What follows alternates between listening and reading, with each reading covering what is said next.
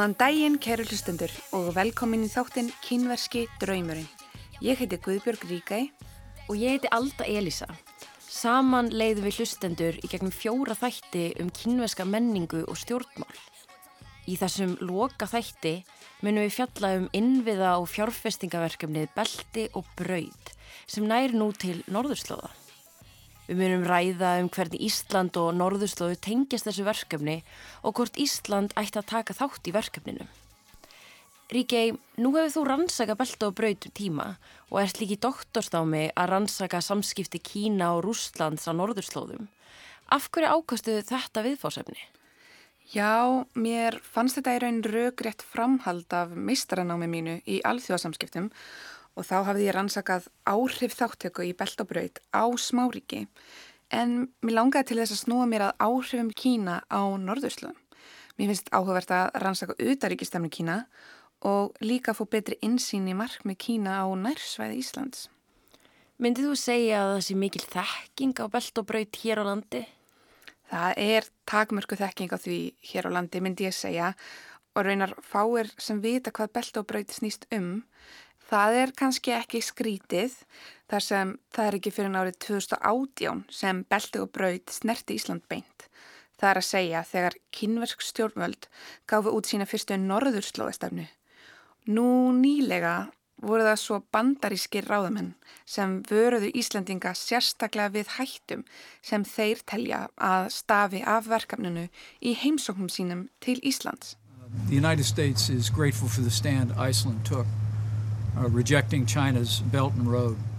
Bandaríkin eru þakklátt fyrir þá afstöðu sem Íslandingar tóku þegar þeir höfnuðu kínverskum fjárfestingum beltis og brautar á Íslandi. Við trúum því virkilega að það sé afar mikilvægt að við eflum böndin millir ríkjana í þessum heimsluta. Að Ísland skildi grípa til þessar ráða var mikilvægt skref sem við fögnum ákaft.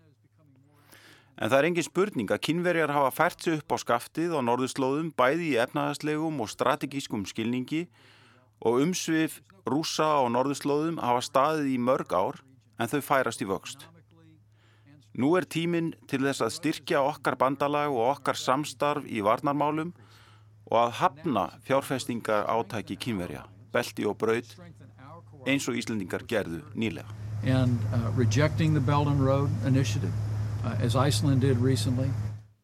Hér mátti heyra í Mike Pence, varafórsetta bandaríkjana, ræða við bladamenn í heimsóksinni til Ísland síðastliði haust.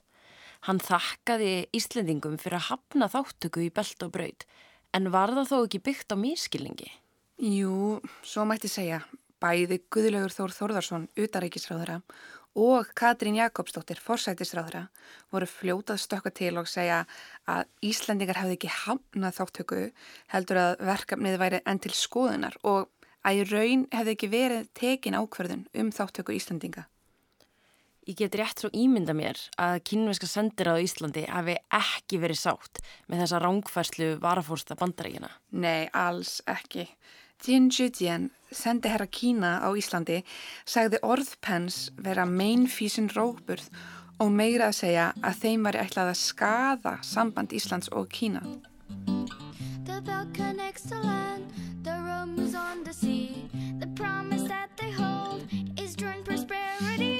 We're breaking barriers, we're making history, the war we're dreaming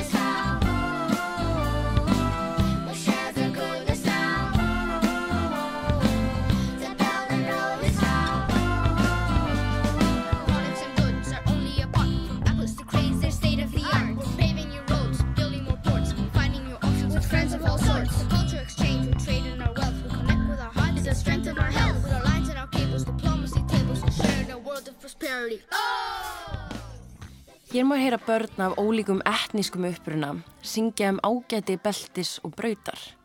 Börnin syngja um byltingarkenda innviða og fjárfestingaverkefnið sem muni leiða til sameilegrar velmegunar þjóða sem ákveða að taka þátt í verkefninu.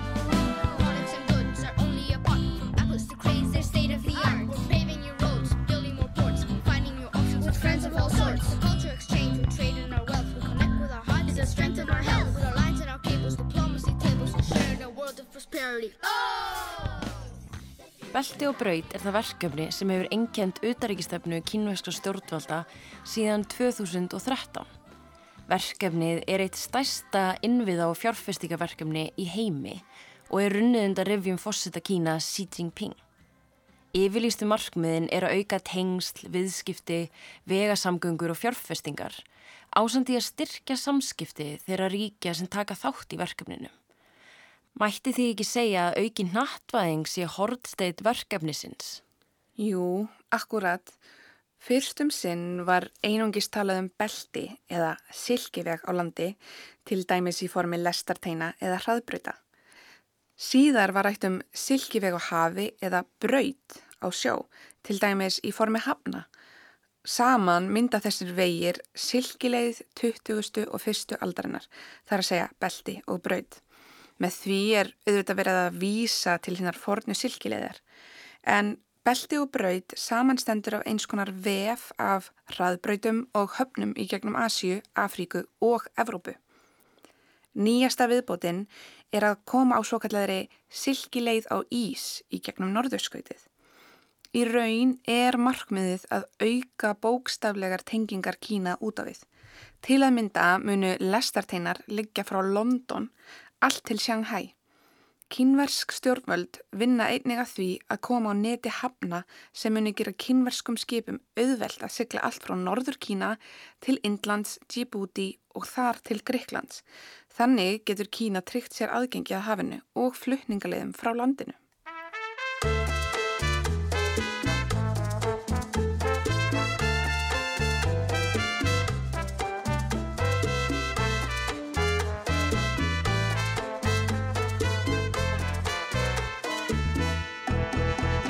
放给我的爱人来一杯 mojito 我喜欢阅读她微醺时的眼眸而我的咖啡糖不用太多。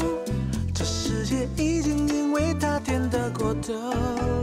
没有跟她笑容一样浓郁的雪茄就别浪费时间介绍说起来吧。拱廊的壁画旧真的涂鸦所有色彩都因为他说不出话。这爱不落幕，光了心事的国度，你所在之处，孤单都被征服。天主的招牌错落在桌上，一封封尘世献给天空的情书。当街灯亮起，浩浩的漫步，这是世上最美丽的那双人舞。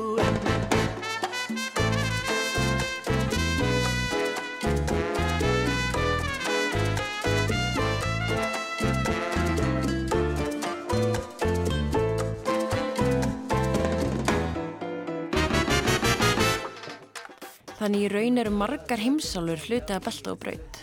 Já, Asja, Afrika og Evrópa. Einhverjar hugmyndir eru einnig um að tengja Suður og Mið-Ameríku við verkefnið. Því má segja að hvorki meiran í minna en meiri hluti heimsins teljast nú sem hluta verkefninu og samkvæmt kínverskum stjórnvaldum stendur öllum ríkjum heims til bóða að vera þáttakandur. Nú hafa um 65 ríki skrifað undir þáttöku og mynda þau ríki saman 62% af mannfjölda heimsins, 30% vergrar framleiðslu og ráðaríkin yfir um 75% um allra orkulinda. Í viðtali við kjarnan sagði sendaherra Kína á Íslandi að viðskiptamagn á melli Kína og þeirra landa sem eru hlut af beltabraut vera meira en 6 biljón bandaríkjadala og fjárfestingar meira en 80 miljardar bandaríkjadala. Það eru rosalegar fjárhæðir. En hvers vegna er kínuskum stjórnvöldum svona í mun um að koma þessu verkefni á? kínverska hagkerfið er að var útflutningsmiðað. Kínversk stjórnmöld eru undir formerkjum beltis og bröytar að fjárfesta í innviðum annara ríkja til þess að auðvelda og hraða öllum inn- og útflutningi. Með aukinni innviðabyggingu í bæði, nær og fjarrreikjum Kína er það von kínverska stjórnvalda að flutninga geta Kína geti aukist. Það er að segja að Kína geti flytt út meiri vörur til fleiri landa. Þar með geta viðskipti Kína við önnu ríki líka aukist. En telli ekki margir að belti og brauð sé raun strategíst verkefni en ekki efnaðarslegt? Jú, það er alveg rétt. Þá má sérstaklega nefna hafninar í Indlandshafi. Stæra nett hafna í Indlandshafi mun tryggja Kína aðgengja sjóliðum sem er nöðsynlegt fyrir ríki eins og Kína sem byggir efnahagsinn á útflutningi en margir telja að tilgangurinn sé að mest hernaðarlegur þar að segja að Markmiði sé til dæmis að styrkja stöðu sjóhers Kína. Auk þess benda margir fræðuminn á að Kína vilji líka tryggja aðgengi sitt að auðlindum og noti verkefnið til þess. Já, einmitt. Kína er líka mörguleiti innilokað og reyðir sig á vestlunum þröngsund, til dæmis Malakasundið og svæði þar sem ítök bandaríkjana eru mikil. Kína er líka háð innflutningi á orgu sem er að mestuleiti flutt frá hafi, ekki satt? Jú, það er alveg rétt. Það er í raun nöðsynlegt fyrir kínverska hagkerfið að tryggja aðgengi að orgu. Því er að vissuleiti skiljanlegt að kínversk stjórnvöld vilji auka innviða uppbyggingu í nærum hverju sínu á sínum eigin forsendum.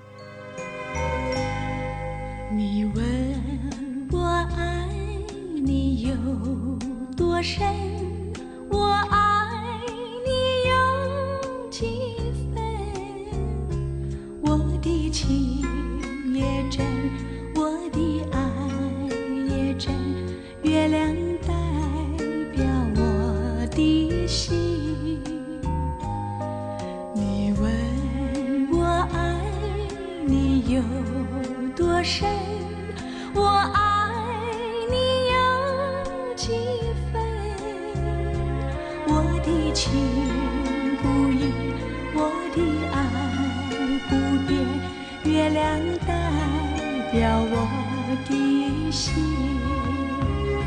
轻轻的一个吻，已经打动我的心，深深的一段情，叫我思念到如今。En belti og brautir mjög umdelt, ekki satt? Jú, mjög umdelt. Stjórnvöld bandaríkjana og Indlands eru sérstaklega gaggrinninn á verkefnið þar sem að aukin áhrif Kína í heiminum ógnarstöðu bandaríkjana sem áhrifamesta ríki heims og aukin áhrif Kína og Indlandshafi ógnar að sjálfsögðu stöðu Indlands á sveðinu og bandaríkistjórn hefur verið sérstaklega gaggrinninn á beltabraut og hefur kallað verkefnið skulda gildru Þá eru aðstæður í Sri Lanka oft teknar sem dæmi. Stjórnveld Sri Lanka skrifuði sem sagt undir samning við Kína um þáttöku í Beltabraud. Þau fengu síðan lán fyrir uppbyggingu á Hambantótahöfnunni í söður Sri Lanka. Stjórnveldin náði hins vegar ekki að standa við skuldir sínar og hafa nú kynversk fyrirtæki enga leigurétt til 99 ára á Hambantótahöfnunni. Bandaríkjastjórn lítur á þetta sem yfirtöku af landsvæði annars ríkis.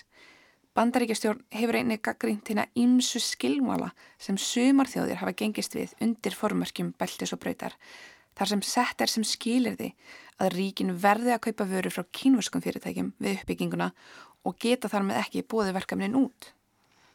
En ef það sem bandaríkin segja er rétt og verkefnið er skuldagildra, af hverju vilja mörg ríki þá taka þátt í belti og bröyt? Mörg þeirra ríkja sem hafa skrifað undir þáttöku sáru vantar fjárfestingar til uppbyggingar. Til dæmis hafa 17 Evrópuríki skrifað undir þáttöku. Þau eru flesti í mið og austur Evrópu. Þar sem lítir um fjárfestingar við á þeim svæðum hefur Kína hlaupið undir bakka og til dæmis fjármagnað hraðubrautir, flugvelli, lestarteina og mörg ríkjana vonast líka til aukina viðskipta á milli sín og Kína sem geti bætt efnahag þeirra. Önnur ríki líti á þetta sem vilja yfirlýsingu um aukið samstarf við Kína. Til dæmis hefur Viktor Orbán, forsætisráð þeirra Ungverðalands, verið óhrættur við að tala um ágæti verkefnisins og hefur notað þáttöku Ungverðalands til að þrista á Evrópusambandið um auknar fjárfæstingar í Ungverðalandi en belt og braud virðist þýða allt og ekkert. Það virðist sem að sangkvæmt kínvöskum stjórnveldum palli allt sem kemur að innviðum eða fjárfestingum undir formerki, beltis og braudar. Nú hafa kínversk stjórnveld til dæmis gert samning við Eistland um rafrænan silkiveg, þar sem netverslun fellur undir verkefnið. En hvers vegna er kínverskum stjórnvöldum svona í mun um að sem flestar þjóðir skrifi undir? Þegar kemur að kínvarskum utaríkismálum er mikilvægt að muna að kínvarsk stjórnvöld er ekki einugis að tala út á við, það er að segja við önnuríki, heldur líka að tala inn á við, við kínvarskan almenning. Eins og við nefndum fyrir þættinum þá er beltu og braud runnið undan rivjum Xi Jinping, fórsetta Kína. Svo ímynd sem Xi Jinping vil sína kínverskum almenningi er að finnum sterkar leiðtoga sem vinnur að hagvexti, bættum lífsgæðum kínversks almennings og í samvinnu við annar ríki. Þetta er allt saman hluti af kínverska drömnum sem við fjöllum um í fyrsta þætti. Til minnist þá eru markmið kínverska drömsins tvíþætt. Í fyrsta lagi að bæta lífskjör almennings innan Kína, í öðru lagi að auka áhrif Kína á alþjóðavísu. Belti og braud spilar því að mörguleiti vel innanlands í Kína þar sem sí og Kína eru orðina einhvers konar kindilbera alþjóðarsamfunnu gegn einungurinnarstefnu bandaríkjana sem hafa dreyið bandaríkin úr mörgum sviðum alþjóðarsamfunnu. Þannig að þetta er mjög tengt við ímynd sí sjálfs. Akkurat. Ég hef tekið eftir því að margir kynverjar eru mjög stoltir af því þegar Kína hjálpar öðrum ríkjum. Oft skapast miklar umræður á kínverskum samfélagsmiðlum og á milli vina þegar Kína aðstóðar önnu ríki. Til dæmis voru margir vini mínir mjög stoltir af því að Kína aðstóði önnu lönd í baráttu sinni við kórónuveiru faraldin og hjálp sem í kínverska stjórnvalda er oft stilt upp á móti sjálfhverfi einangrunastefnu bandaríkina. 你问我爱你有多深我爱你有几分，你去想一想，你去看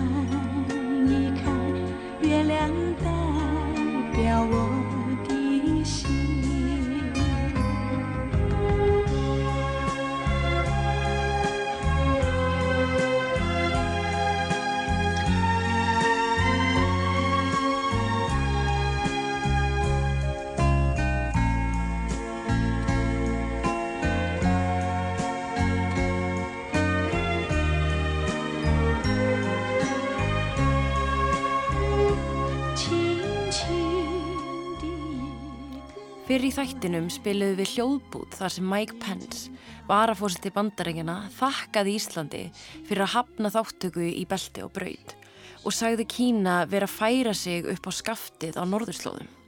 En hvernig tengist norðurslóðastefna kínveska stjórnvalda belti og braud?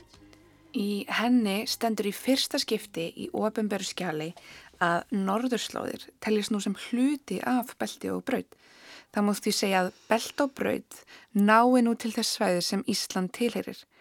Íslandi stendur til bóða að taka þátt í verkefninu, sé það vilji ríkistjórnarinnar. Hlustendur velta því eflust fyrir sér af hverju kynversk stjórnvöld hafi yfirhöfuð áhuga á norðurslóðum. Við rættum við Egil Þór Níelsson fyrir um gístifræðimann heimskautastofninar Kína og framkvæmdastjóra kynversk norrænu norðurslóða miðstöðvarinnar. Egil Þór fór einmitt í sjöveikna siglingu frá Sjanghæ til Íslands á kynverska ísbrjóknum og rannsóknarskipinu Snædreikanum um Norður Ísafið. Við rætum við hann um norðurslöðir og áhuga Kína á sæðinu. Kína er nú svona, það sem ég myndi segja stærsta vestlunaríki í heimi og er stærsti viðskipta aðvili yfir hundrað landa. Og hefur þetta byggt upp gríðarlega upplugt net þegar kemur að syklingum og, og kaupmennsku tengt siglingum. Það, það var svona kannski grunn stefið en auðvitað hefur þetta eins að gera með innviðu uppbyggingu sem að Kína hefur, hefur verið upplugt í bæði heimafyrir og, og svo í framhaldinu Erlendis þegar, fyrirtæki þar hafa náð ákveðnu ákveðnu samtjefnisforskoti í raun og veru uh, hvað varðar innviðu uppbyggingu og, og hefni til þess.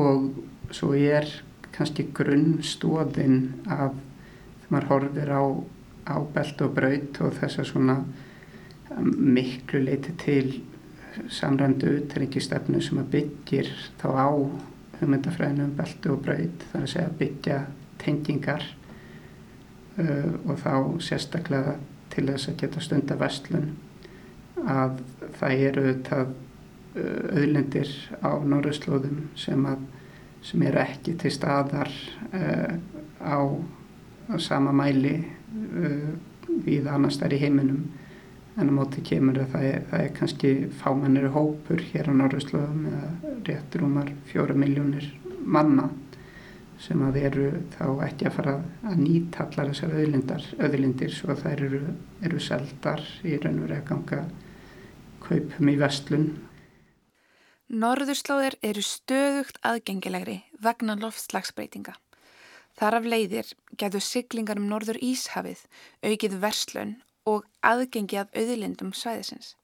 Siglingar frá Norður Kína til Evrópu myndu til að mynda að taka mun stittri tíma og þar með spara mikið fjármagn ef silt verður gegnum Norður Íshafið sem miður við siglingu í gegnum Súeskurðinu. Svo væri svo ferð örugari enn sem komið er ef við lítum til sjórána.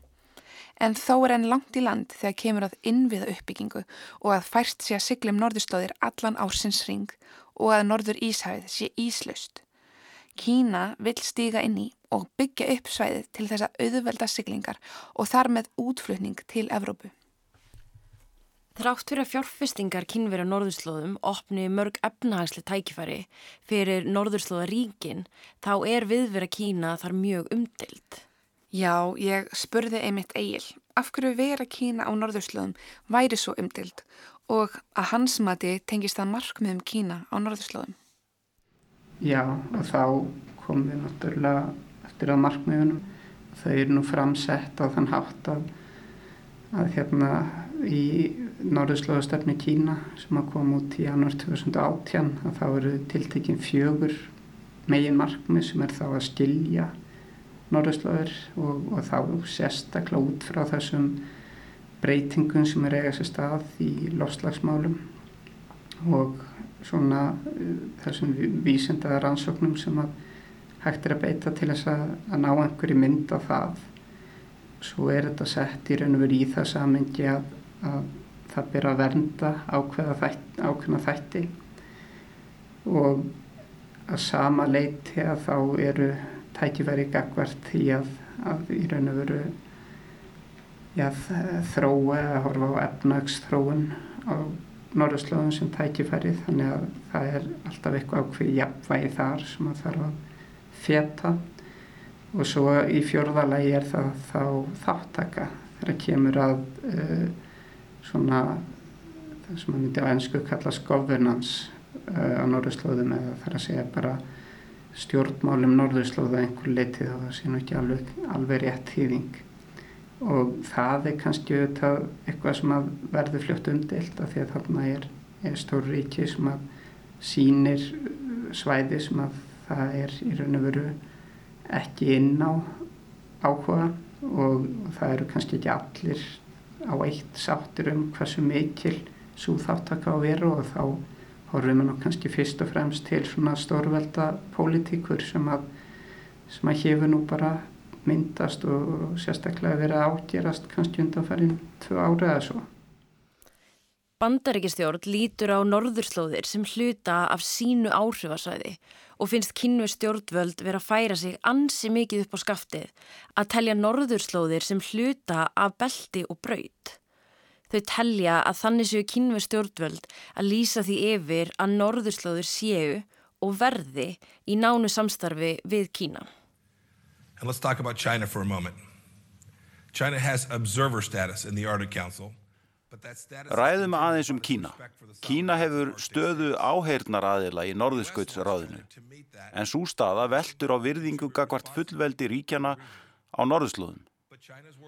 Bandaríkin vilja að Kína virði það skilirði og leggji sitt að mörgum á áreðanlegan hátt. En orð Kína og gjörðir vekja evasemtir hvað varðar áallanir landsins. Beijing segist vera nærríki norðurslóða en stista vegalengdin á milli Kína og Norðurslóða er 900 mílur. Það eru einingist til Norðurslóðaríki og svo ríki sem eru utan Norðurslóða.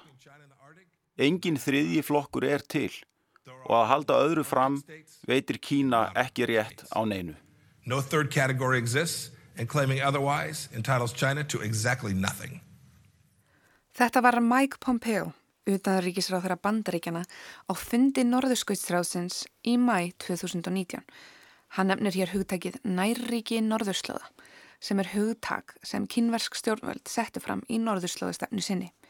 Þetta hugtak vakti margar spurningar þar sem þetta er nýjirði og mikill vafi á hvað nákvæmlega kynversk stjórnvöld eigi við með nótkun þess.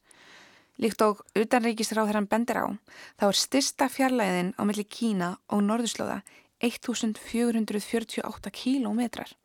Það er því ekkert skrítið að hugtakið veki fyrðumarka. En ráður hann gaggrínda ekki aðeins hugtakið á fundinum, er það nokkuð? Nei, hann var afar harðorður í gardbæði kynverskra stjórnvalda og rúsneskra. Hann talaði einnig sérstaklega um hernaðarlega hættu að völdum veru Kína á svæðinu. Þegar hann sótt Ísland heim í fyrra, laði hann einnig sérstaklega áherslu á öryggisamband Íslands og bandaríkjana og nefndi Kína sem ógn í því samhengi.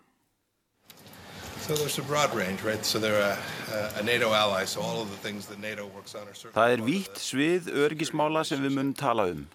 Ísland er bandamaður í Allandsafsbandalæginu svo við munum ræða um allt sem við kemur því sem bandalægi vinnur að í þessu öryggissambandi. Ísland liggur á strategískum stað í heiminum og málefni norðuslóða eru bandaríkjunum mikilvæg, líka þegar kemur að öryggismálum. Og við munum vissulega ræða um rúsneska og kínverska viðveru á svæðinu.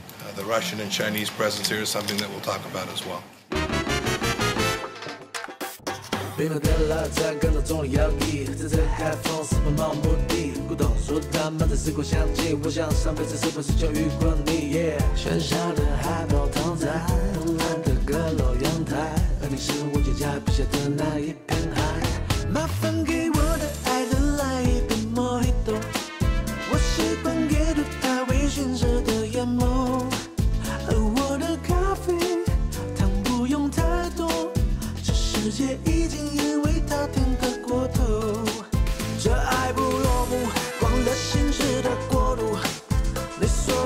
蜘蛛，孤单都被征服。编织的招牌，坐落在桌上，一封封城市献给天空的情书。Það er mikilvægt að muna að það er ekki einungis Kína sem vill vera á svæðinu. Mörg ríkja á norðurslóðum er mikið mun um að hafa Kína á sínu bandi þegar kemur að uppbyggingu. Sérstaklega vegna þess að innviða uppbyggingar og fjárfestingar vandar á svæðinu. Kína er nú þegar að fjárfesta í Rúslandi á því svæði sem telst til norðurslöða. Til að mynda hafa ríki nú byggt 3000 kílometra langa gasleðslu frá austur Sýberíu til Kína. Því er ljóst að kínversk stjórnvöld er að horfa til slíkra fjárfestingatækifæra, sérstaklega eða snerta auðlindir á svæðinu. Norðurslöður gema ótrúlegt magn auðlinda, til dæmis jarðgas, ólíu og fiskimið. Nú eru til dæmis hugmyndir uppi um að kynverskir fjárfestar fjárfesti í árbraut hinn er svo kalla Arctic Corridor frá Kirkines í Núriði sem færi til Finnlands og þar niður til Eistrasaltslandana og þar niður til annara Evrópulanda. Þó hafa korki Núriður nýja Finnland skrifa undir þáttöku í Beltabraut. Í raun er Rúsland eina ríkið á norðurslóðum sem hefur skrifað undir þáttöku í verkefninu. Svo má ekki gleyma mögulegum umhverfisáhrifum að völdum aukinar skipa og mannaumferðar um norður Ísafið, er það nokkuð? Nei, en það á þó ekki bara við um viðveru Kína, heldur almennt af aukinni skipaumferð og innviðu uppbyggingu á sæðinu. Visskerfi norðurslóða er einstaklega viðkvæmt fyrir allari röskun. Það er viðkvæmt dýra og plöntulíf og svo eru líka samfélög innfættra á svæðunum sem verður að taka sérstaklega tillit til. En nú er stóra spurningin. Hvort ætti Ísland að taka þátt í beltobraut eða ekki? Það er auðvitað bara svolítið viðtækt hagsmunum allt sem að þarf að, að líta til í, í því tilliti. Um, heilt yfir þá, þá eru þetta svona það sem að myndi kannski benda á að það eru sameilir eh, hagsmunir með kannski ríkjunum sem eru, eru nær okkur og sérstaklega í svona þessu ástandi sem að, sem að sér í dag og, og þá er ég kannski fyrst og fremst að tala út frá svona bara stjórnmálum í heiminum. Urðum auðvitað bara mjög mjög var við það þegar uh, var að fórseti bandaríkjana var í heimsókn hér í fyrra og, og, og þakkaði íslenskum stjórnvöldum fyrir að, að hafna belt og braut en, en það var nú reynda svo leiðirétt að, að það sé kannski ekki í staðan að, að það sé búið að hafna því en það sé eins og er ekki, ekki búið að samþykja neitt slíkt samstarf og í rauninni er Rúsland eina Norðurslóðaríki sem hefur gengið af vilja yfirlýsingu varðandi samstarfum belt og braut og, og verið, verið hérna með stærri samstarfsverkefni gafkvært á kínveskum aðlum þegar kemur að efnaðarstróun og þá meðal annars á Norðurslöðum í, í Rúslandi um, en það eru vissulega gagkvæmir ávinningar sem að geta átt sér stað þegar kemur að vestlun og, og nýtingu á til dæmis frífjöslunarsamningi Íslands og Kína. Ná, þannig að það eru það eru svona ymsir þættir sem að þarf, þarf að vega og meta en hildi fyrir þá hildi maður nú reyni alltaf að horfa á svona svona þætti á þann hátt að, að það er ekki heldur. Það er almennt ekki gott að vera of háður einum aðila fyrir, fyrir ríki. Og sérstaklega þegar kemur að verslun að þá þetta skiptir miklu máli að geta, geta stilt í þannig að, að hérna svona þjóðhagslugur ávinningur gangi svolítið fyrir hvernig hvernig hérna hvort að landi svo opið fyrir viðskiptum eða ekki en, en, en svo eru þetta þessi týratu öryggismál sem að popp alltaf upp og eru eru að manni virðist svolítið verið að, að taka yfir umræðu hvað þetta varðar. En eru þó einungist tveir kostir í stöðunni fyrir Ísland þegar kemur að því að skrifa undir? Það að vera með eða ekki? Nei, í raun ekki. Það er þriðju kosturinn sem kemur til greina að fara finnsku leðina. Finnland hefur ekki skrifað undir þáttöku í beltabraud en hefur þó gert sérsamninga við kínum stjórnvöld sem samræmast vel markmiðum beltis og brautar. Þannig að Ísland gæti í raun farið þáleið. Þegar öllu er á botnikólt virðist þetta snúast að mörguleiti um tröst en líka áhrif og völd. Það er að segja að sumi leituar Vesturlanda og Vesturlanda búar treysta ekki kínuskum stjórnvöldum. Þegar rættir um aukin um sig Kína og alþjóðvísu eru alltaf einhverja gaggrinsatir á lofti um að kínveskum stjórnvöldum sé ekki treystandi og að Vesturlöndum standi ókn af uppgangi og áhrifum Kína. Til dæmis var kínverum ekki treyst til að fjárfesta í flúvilla á Grænlandi í fyrra er það nokkuð? Nei, einmitt ekki. Bandaríkjastjórn þótti flugvöldurinn ókanna öryggi sínu og þrýsti á dönsk stjórnvöld að loka fyrir framkvæmdina. Þau urðu við þeirri bón en sögðust sjálf ætlað að vinna að framkvæmdini þó enn bjáti lítið á henni að ég viti. Hins vegar hafa bandarækjumenn stokki til og sögðu fyrr á árinu að þeir ætla að veita Grænlandi styrk til þróunar efnahagsmála. Þessi dans á milli Grænlands, Danmörkur, Bandaríkjana og Kína væri þó efni í heilan þátt og ekki tími til að fara nánar út í hann í þessum þætti.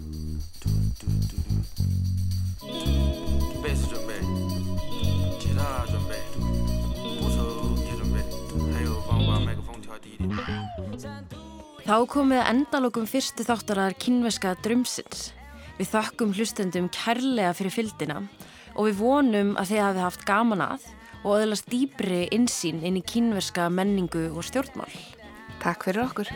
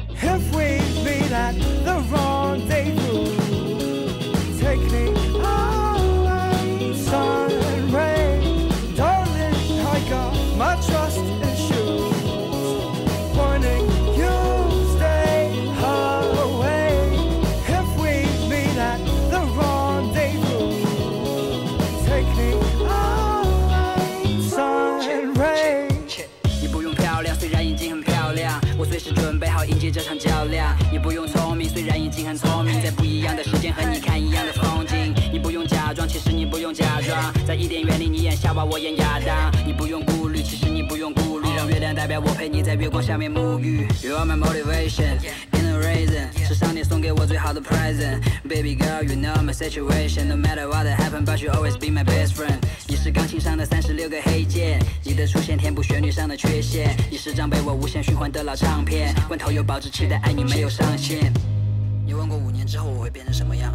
可能你会看到我结婚的消息被放上新闻。可能我会有一个很爱我的老婆。可能我已经有了自己的小孩。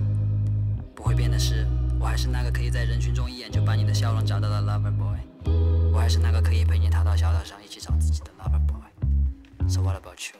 I'm missing you, my honey. Don't you？我是一个被你变忧郁的小丑。Oh yeah，每天都有情话，想不想听？Just tell me，求求你给个回应，让我开心。I'm ready。